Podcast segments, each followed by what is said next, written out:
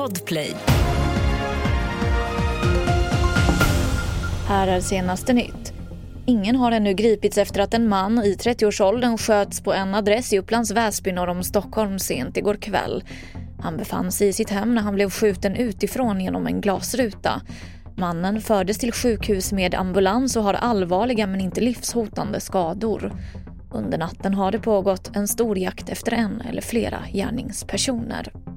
Israels militär IDF uppger att man genomför en militär operation mot terrorstämplade Hamas inne på Gazas största sjukhus Al-Shifa. Stormningen ska ha skett i natt och vittnen berättar att man sett soldater gå in i sjukhuset. När berg och dalbanan Jetline spårade ur vid dödsolyckan på Gröna Lund i Stockholm i somras så var orsaken en knäckt bärarm under den främre vagnen. Det här uppger åklagaren och haverikommissionen för tidningen Ny Teknik. Följden blev två tvärnitar efter varandra som gjorde att säkerhetsbyglarna böjdes upp av trycket från passagerarna.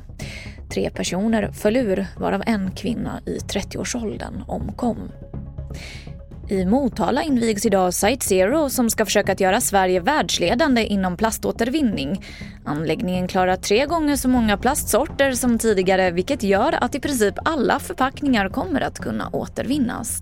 Det som också krävs det är ju att vi samlar in förpackningarna, det vill säga att du och jag källsorterar. Det sa Mattias Philipsson som är VD på Svensk Plaståtervinning. Mer nyheter på tv4.se. Jag heter Emily Olsson.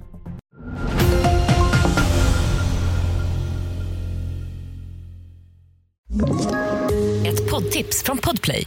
I podden Något Kaiko garanterar östgötarna Brutti och jag, Davva, dig en stor dos skratt. Där följer jag pladask för köttätandet igen. Man är lite som en jävla vampyr. Man har fått lite blodsmak och då måste man ha mer. Udda spaningar, fängslande anekdoter och en och annan arg rant. Jag måste ha mitt kaffe på morgonen för annars är jag ingen trevlig människa. Då är du ingen trevlig människa, punkt. Något Kaiko, hör du på Podplay. Därför är gardinerna.